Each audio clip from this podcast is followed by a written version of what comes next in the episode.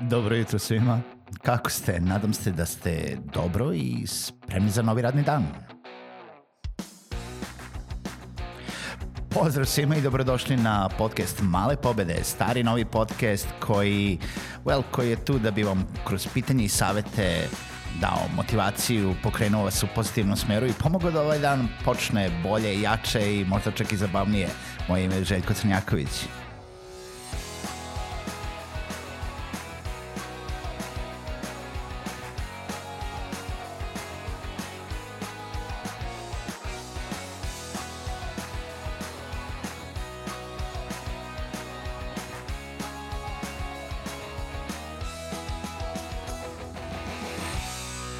Pozdrav svima, dobro jutro i dobrodošli na novi podcast uh, Male pobede. Uh, hvala vam što ste i sa ovom epizodom uh, s podcasta Male pobede, što slušate, nebitno da li slušate svaki dan ili samo kada vas zanima, ali pozivam vas da posetite malepobede.rs da se prijavite na newsletter ili da se prijavite na bilo kojoj platformi koju koristite na vašem mobilnom telefonu i zapravo dobijete notifikaciju kada god izbacimo novu epizodu, što je svaki radni dan u 8 sati. Uh, danas je ponovo posebna epizoda, danas imam gosta sa mnom uh, na podcastu i ovaj put uh, je sa mnom Galeb Nikačević. Galebe, pozdrav, ćao, kako je? Zdravo, zdravo, zdravo. Evo, nije loše, nije loše. Kako uh, podnosiš ovaj izlazak iz karantina? Po, zapravo ga podnosim odlično, pravo da ti kažem, ovaj, jer sam se vratio nekim rutinama koje su mi dugo nedostajale. Fantastično. Uh, za one koji ne znaju, Galeb je, uh, pa ja mogu da kažem da je Galeb poznato lice na medijskoj sceni uh, koji već preko 20 godina ima iskustva sa različitim medijima od MTV-a, TV-a, važio se za urednika Vajsa i Noiza, a sada vodiš podcast Agelast, e, Tako koji je. se nalazi i na YouTube-u, ali je primarno podcast, što ja volim da kažem, ono tipa podcasti i moraju primarno da rade u audiju, nebitno što imaju svoju uh, video formu, ali ono što je zanimljivo i interesantno i zašto sam Galeba zvao u Male pobede, jeste da je Galeb odlučio da od nedavno potpuno živi od podcasta. Tako da za početak, Galebe, kako je nastao Agelast i zašto je nastao Agelast? Ja. Pa ideja o podcastu postoji zapravo dosta dugo, ali zbog prirode svojih ugovora koje sam imao na prethodnim, uh, u prethodnim korporacijama nisam mogao da pokrenem ništa svoje. Dakle, ja sam bio uglavnom zaštitno lice, pored toga što sam uređivao stvari, pored toga što sam bio autor i tako dalje, mhm. ja sam bio i zaštitno lice i uvek je ugovorom stajala, da, dakle, ugovorna obaveza da se od mene očekuje da se eksploatiše moj lik zarad uh, koristi brenda. Uh mhm. -huh. I ovaj, to je imalo svoje prednosti, ali naravno imalo i dosta svojih mana. I nekako to je, bio, to je bila prva prepreka. Uh, A, druga prepreka je bila zato što nije postojao, mislim i dalje ne postoji u potpunosti, a, zaista nedovoljno razvijeno, na tome radimo, ali nije postojao ekosistem unutar kojeg smo mogli da kažemo, je sad postoje nekakve o, ono opcije kako bismo mogli ovo da radimo i da razvijemo tako da možemo da monetizujemo. I a, treća stvar a, je, je bila ono, negde lična nesigurnost, znači, jer ipak pokrećeš nešto svoje gde si sam sebi gazda, jel te, mm. i trebalo je ono skupiti malo hrabrosti i odvažiti se na taj korak. A, kaže mi, Agelas postoji sa već jedno pet meseci, jel, jel sam pravo? Pa da, tako nešto. Da, Od početka smo, godine. Smo, pra, tako je, da, pravno formalno ono, napravili smo kanal uh, krajem novembra, početkom decembra meseca, ali smo počeli da izbacujemo sadržaj na njega a, oko nove godine, tako da eto, 4-5 meseci smo tu, da. Šta je ideja iza samog podcasta? Mislim, ono tipa, obično su podcasti vezani za neke usko niširane stvari i ono, šta je tvoja ideja iz Agelasta, pored onoga što si napisao, ono, potraga e, za da, istinom? E, pa, Tako, pa stvar je, stvar, je, stvar je u tome da kada radiš u formatizovanim, kada radiš u formatizovanim medijima, ovaj, uh, najveći problem je što format kao takav ima određenu uređivačku politiku, ima određenu dužinu trajanja, moraš uh -huh. da se uklopiš u određenu programsku šemu ili u određenu idejnu, uh, tematsku ovakvu ili ovakve na onakve okvire koji dosta sužavaju spektar onoga što možeš da radiš. I onda s jedne strane i publika te percipira kao osobu koja se bavi ovime konkretno ili onime konkretno, ovaj, s jedne strane i ne doživljavaju spektar te širine, a s druge strane gosti takođe ovaj, a, ne dobijaju taj, tu lepezu mogućnosti da se izraze. Jer mhm. uvek recimo ukoliko uzmeš sportistu, i onda sportista koji je postigao nekakav uspeh, uvek se govori o tom konkretnom uspehu ili o tom njegovom bavljenju sportom. Znaš. Vrlo redko ćeš videti ono razgovor u kojem ćeš moći da otvoriš lepezu uh, onoga iz spektra onoga što ta osoba jeste, kao i svaka druga osoba. To je s jedne strane. S druge strane, akoliko obrađuješ određene teme, ona uvek ostanu zbog uh, tržišta ka, takvog kakvo je, koje ima taj imperativ brzine, a, klikabilnosti, atraktivnosti, senzacionalizma, da bi to moglo da se monetizuje, da bi ono, kao što u kapitalizmu je taj proizvodni proces, da izbaciš što više za što kraći vremenski period i taj takozvani uslovno rečeno volume business, jel te? Ovaj, gde onda nema dovoljno vremena za istraživanje, nema dovoljno vremena za pričanje priče, nema dovoljno vremena za sve te stvari. I, ovaj, i for, i tradicionalni mediji zaista, ne samo tradicionalni, čak i web mediji su zaista a, sveli to na minimum koji je neophodan čisto da bi se napravio profit. I a, nekako postoji, kada godinama pričaš priče, najveći problem je u tome što sve te priče koje si pričao ovaj, ostaju na neki način nedorečene. I nagomilalo se to, znaš, mogu da možemo da kažemo da je kumulativno, recimo da sam pukao više od toga i da sam u fazonu, ok, ajde da pričamo priče onako kako one zaslužuju da budu ispričane i da dobiju prostor koji treba da dobiju. Dobro, naravno, ono što nam podcast nudi i što, što nam pruža jeste zapravo, te, što ti kažeš, lepeza, ovaj, ne samo sadržaja, nego i jel da, formata.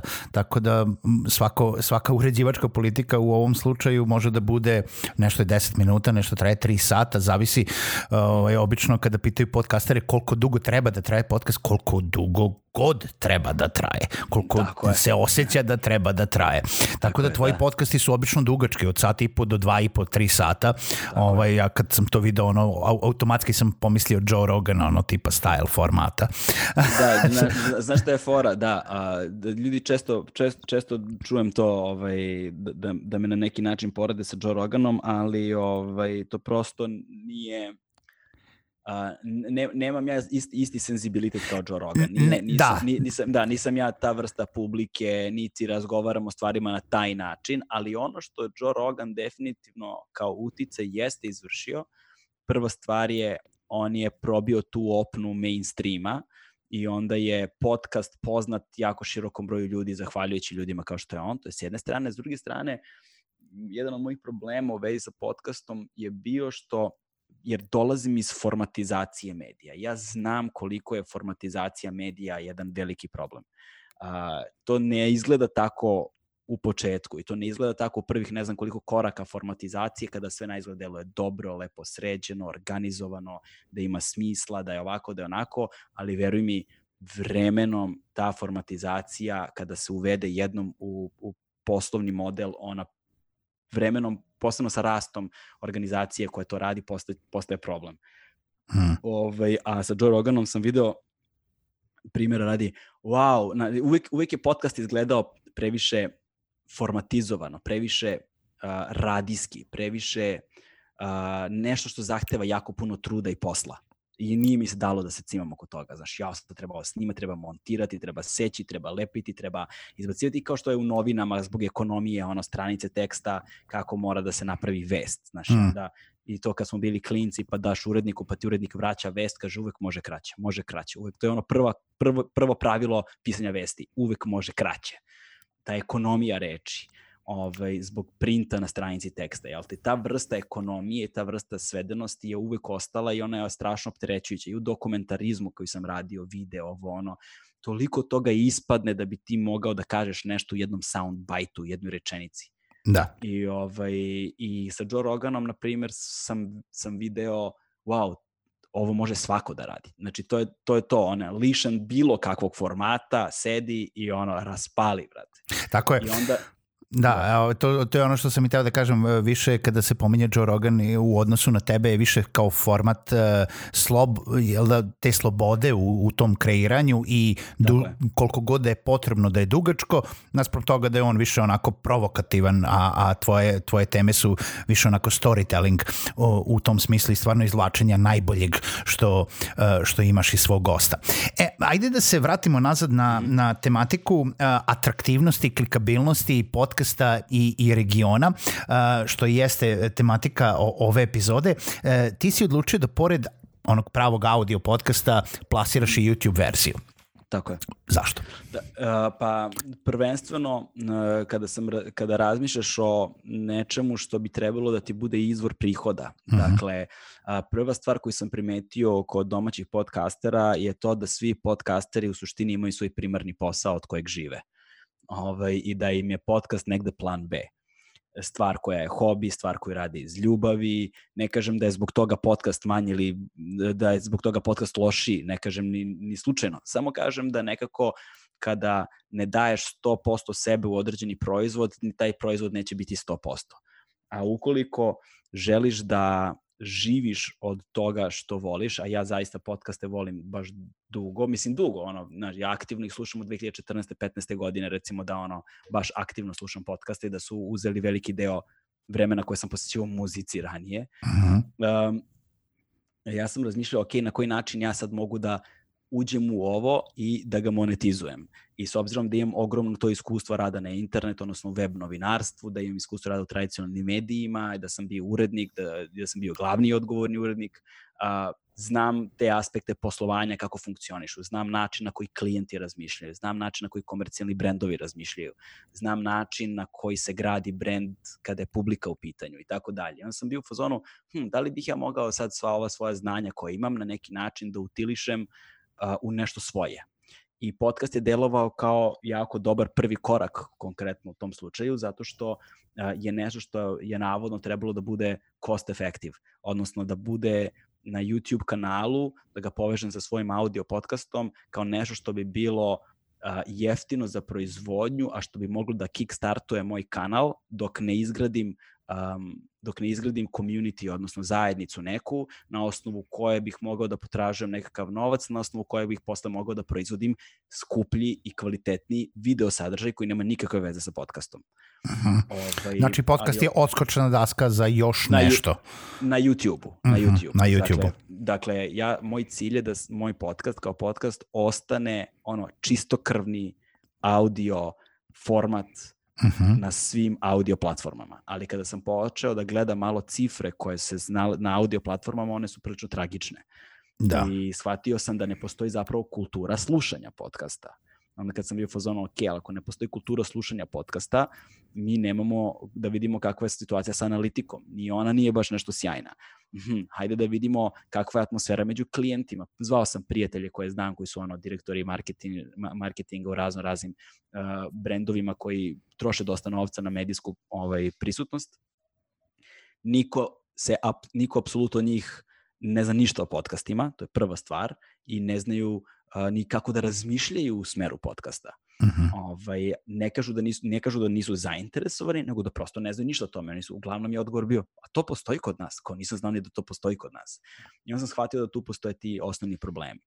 I prva stvar je, ha, kako možemo sada taj podcast da dovedemo do širokog kruga ljudi, da počnemo polako da gradimo tu kulturu slušanja podcasta s jedne strane i s druge strane da kada se taj baz pojavi, onda počinjemo da ga usmeravamo nekako ka uh, komercijalnim klijentima da komuniciramo sa njima, evo vidite, ovo su rezultati, ovo je analitika, a, o, ovo ima određenu vrednost i s obzirom da je nova stvar, da je aktuelna stvar, a, to prilika je za mnoge klijente da se uhvate u ovom trenutku kada je to novo i da steknu pored vidljivosti i određen kredibilitet i reputaciju zato što su ono što se uh, zove, jel te, kolokvijalno na engleskom jeziku early adopters, jel te.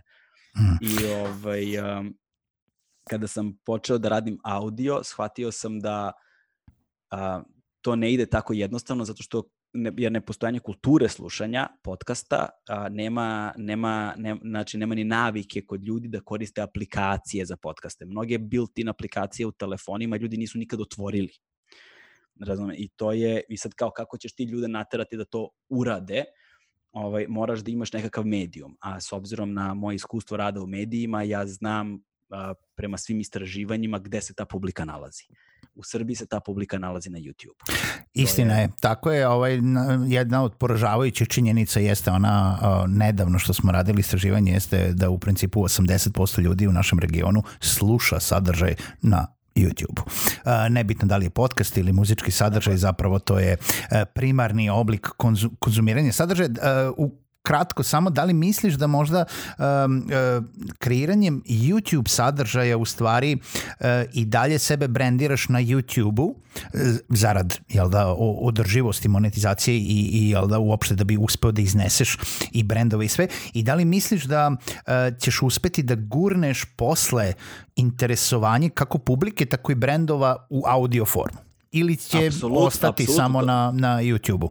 Apsolutno, to se već dešava polako. Znaš, mislim, mm -hmm. mi stvar zaista jako malo, zaista kratko postojimo da bismo mogli da govorimo o nekakvim konkretnim rezultatima. Još uvek smo u pelenama podcasta, da kažemo tako. Nismo još uvek ni prohodali, niti progovorili. Da, da. Još uvek smo ono u infantilnoj fazi, ali su cifre zaista obećavajuće s obzirom na to kako, je to, kako smo krenuli. I stvar je u tome da ti moraš prvo da postaneš deo, deo nečije svakodnevice moraš da postaneš deo nečije svakodnevice, moraš da postaneš deo nečije rutine, deo nečijeg dana. Ono što podcast sa sobom nosi jeste ta intima ljudskog razgovora koja je u potpunosti nestala iz formatizovanih medija, prvenstveno radija. Ja sam tako i uh, shvatio vrednost podcasta pošto mi je žena iz Gornjeg Milanovca i onda smo stalno na potezu Gornji Milanovac Beograd, Gornji Milanovac Beograd uh mhm. -huh. i to je neki sat i po vožnje u jednom smeru, sat i po vožnje nazad. Vrlo često ona sa detetom ostane tamo, pa onda ja dolazim i odlazim. I u tim vožnjama preko rudnika, ali tim lepim, vijugavim putevima koji su skoro i asfaltirani, uvek mi je nedostajalo ono šaltam radio stanice i onda bude ono dva minuta neke bezvezne priče i onda idu tri nekakve pesme koje me ne zanimaju uopšte, pa onda ide to na reklama, pa onda idu neke režimske vesti i to zaista neslušljivo. A vrlo često mi se smuči ta muzika koju slušam i ne mogu da svaki put slušam gomilu neke muzike, fali mi prisustvo uh, ljudskog glasa, fali mi razgovor. I, ovaj, I onda sam tako shvatio, i onda sam tako počeo podcaste da slušam u kolima i bio sam u fazonu, ali kao zašto ne bismo o, za, za, fali mi strašno da se tako nešto isto dešava samo na srpskom jeziku. Mm. Kada bismo mogli da imamo to što ima na engleskom, ba, barem u mom slučaju na engleskom, kada bismo mogli da imamo na srpskom, bilo bi idealno. Ja sam shvatio da postoji prostor u kojem već postoji publika koja radi te stvari i toj publici samo treba pružiti nešto na engleskom, ali opet do njih nekako treba doći jer oni nemaju naviku slušanja to na ovim a, platformama koje su inače za audio distribuciju. Apsolutno i ono što je bitno veoma jeste da je podcast tržište u Srbiji naraslo u poslednjih šest meseci uh, fantastično puno zato što tu negde od uh, kraja prošle godine kada je bilo možda desetak podcasta, sada jel da je po, po uh, onome što ka, kaže platforma Podcast RS ima preko 60 podcasta sad već. Uh, de, gde ti vidiš ostale podcaste trenutno na, na srpskom tržištu i koju bi imao preporuku za mhm. podcastere koji žele možda da uđu. I sad, e, možda da to razdavimo na dva dela. E, za one koji pasionirano žele da prave podcast i možda za one koji žele da prave podcast iz nekih poslovnih razloga, jer podcast jeste dobar brand za mhm. preduzetnike firme i ostalo ne kao primarni način monetizacije zato što ja želim da budem medijska ličnost, nego zato što želim time da pospešim jel da svoje, svoje prisustvo. Pa sad na, na te dve dakle, grane. Dakle, dakle, ono što je moja najveća prednost u ostalo u odnosu na mnoge druge podcastere jeste zato što sam ja u ovo ušao da bih živeo od toga, što znači da ja ustanem ujutro i razmišljam o podcastu, legnem uveče u krevet razmišljam o podcastu. Ukoliko toliko vremena i truda provodiš razmišljajući o nečemu, a, rezultat ne može da izostane. Ukoliko ne, stvari radiš na iole ispravan način. A, prva stvar koju sam shvatio u vezi sa podcastim, podcastom jeste da a, slušni zamor ušni zamor je vrlo realna stvar. Uh, I način na koji uh, te, ti čak i kad imaš vrlo zanimljiv i dobar razgovor, ukoliko audio nije dobar ljudi će vrlo verovatno odustati nakon 10-15 minuta. Mm. I kada sam počeo da radim prva dva, tri podcasta su mi bili tako, ono, skrpili smo se s nekim mikrofonima, evo kao ovaj sad neki USB koji koristim za potrebe ovog Zuma, ovaj, ali stvar je u tome da um, mora da se investira u audio opremu i sa zvukom apsolutno ne sme da bude kompromisa. To je prva stvar koju sam naučio i e, da, da problem je sa zvukom što ljudi ne razumeju vrlo često kolokvijalno kada razmišljaju, kada je odbična publika, zvuk je dosta nezahvalan za razgovor zato što zvuk primećuješ isključivo kada nešto nije u redu. Znaš, kada je zvuk savršen, nikoga samo ne primećuje. Da. Znači, znaš, kao uživaš u razgovoru čemu god. Niko neće reći, wow, ala, dobar zvuk. To će reći eventualno ljudi koji se bave time ili koji su nekakvi ono, strastveni uh, audiofili. Ali u suštini, običan čovek koji sluša razgovor neće reći, wow, ovo je baš dobar zvuk. Ne, zvuk je tu samo da iznese razgovor, ali ne da njega primećuješ kao takvog. Tako da zvuk primećuješ samo kad nešto ne valja. I onda ljudi kada ne investiraju u zvuk i ne vide zvuk kao nešto što treba da se investira, ovaj, nije im jasno zašto stvari ne prolaze. Investiraj u zvuk. To je užasno važna stavka.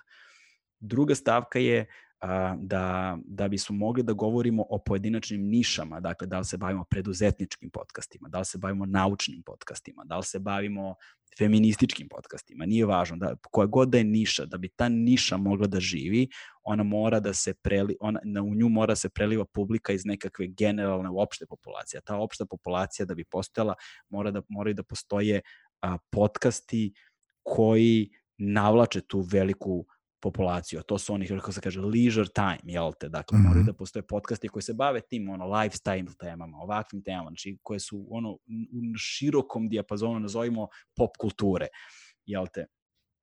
Da, kao što je, recimo, Joe Rogan u Americi.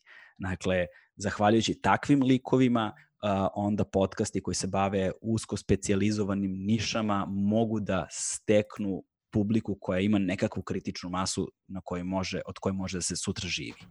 To je jedna, posebno, posebno je to važno za nas jer smo užasno malo tržište i mi moramo da računamo sa regionalnim tržištem, a tu postoji sada onda dalji problem, regionalno tržište je, da bismo mogli da razumemo regionalno tržište, moramo da razumemo analitiku.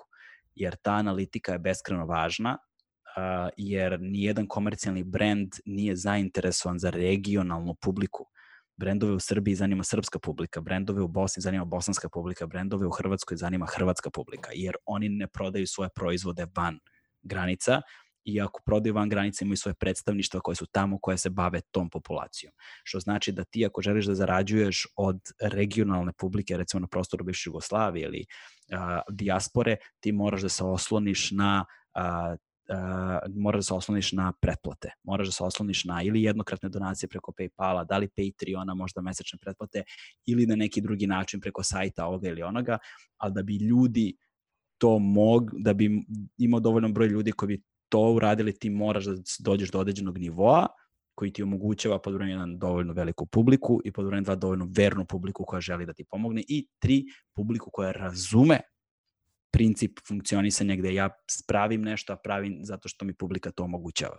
Mm. Ovaj, a to je jedna kultura slušanja podcasta koju mi moramo da stvorimo. Dakle, to je prvi i osnovni korak, što znači pre svega, dakle, pre svega ovoga bi onda zapravo zaključak bio kontinuitet. Kogod želi da pravi podcaste, prva stvar koju treba da shvati jeste da sekunde kada počneš, moraš kontinuirano da izbacuješ i da se ne zaustavljaš. To je broj jedan. Dakle, ako je svaki dan, onda je svaki dan, nema preskakanja. Ukoliko je jednom nedeljno, onda je jednom nedeljno, isti dan, u isto vreme, nema preskakanja, moraš da budeš kao sat fantastično si zaokružio celu priču. Mislim, ono što ja već pričam godinama ljudima, ovaj, lepo je uh, da se nismo dogovarali, a da, a da si ovaj, to, to, to isto ponovio. Uh, tako da, uh, i za kraj, mala pobeda za tebe u poslednjih mesec dana. Kada sam dao otkaz u firmi, bio je kraj januara. Bio je 31. januar kada sam dao otkaz i rešio ulazim u ovo. Uh, organizovao sam sebi neke tezge, da mogu da zaradim lovu, uh, tako da premostim 3-4 meseca pre nego što i da u ta 3-4 meseca ono, rizik je, šta ćeš, rizikuješ, rizikoću i probat ću za 3-4 meseca da probam da zarađujem od podcasta. I, ovaj, I onda se desilo ovo sa koronom, sa pandemijom, što znači da su mi sve teze koje sam zakazao bile otkazane, ja sam dao otkaz na poslu i sačekala me izolacija bez posla, bez primanja, ovaj, sa samo podcastom koji je tek bio ono, postojao mesec dana. I moram da priznam da sam uleteo u, ono, u jedno stanje nije mi bilo sve jedno. Bilo je, bilo je, baš, baš mi nije bilo sve jedno sa ženom, s malim detetom, mm. u stanu koji iznajmljujemo, znaš, onaj, kirije te čeka svakog meseca, gomila troškova, imamo kredite i bio sam u zonu kako će sad ovo da se desi, ali bez obzira na to, reš, rešio sam da izbacujemo podcaste i dalje i kao sad nam sad nema šta, to je to, skočili smo u vodu, sad moramo da plivamo. Ovaj, i, I u narednih mesec dana uh, uspela, uspeli smo da izgradimo dovoljno veliku publiku, prvenstveno preko YouTube-a, da su počeli da se javljaju komercijalni sponzori.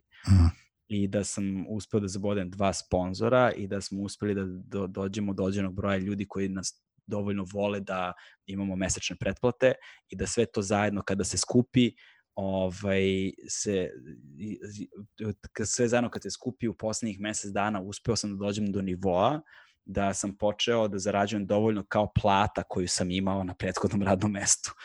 Ovaj, i, I kad sam to shvatio poslednjih mesec, pred mesec dana, shvatio sam da zarađujem svoju platu kao na poslu na kojem sam prethodno bio, ali ne idem na posao. Svako jutro ustanem i sa ženom sam, sa detetom sam, a, provodim kvalitetno vreme, nema više striktnog a, radnog vremena od 9 do 5 i na kraju dana to vreme koje imaš je najvrednija stvar na svetu.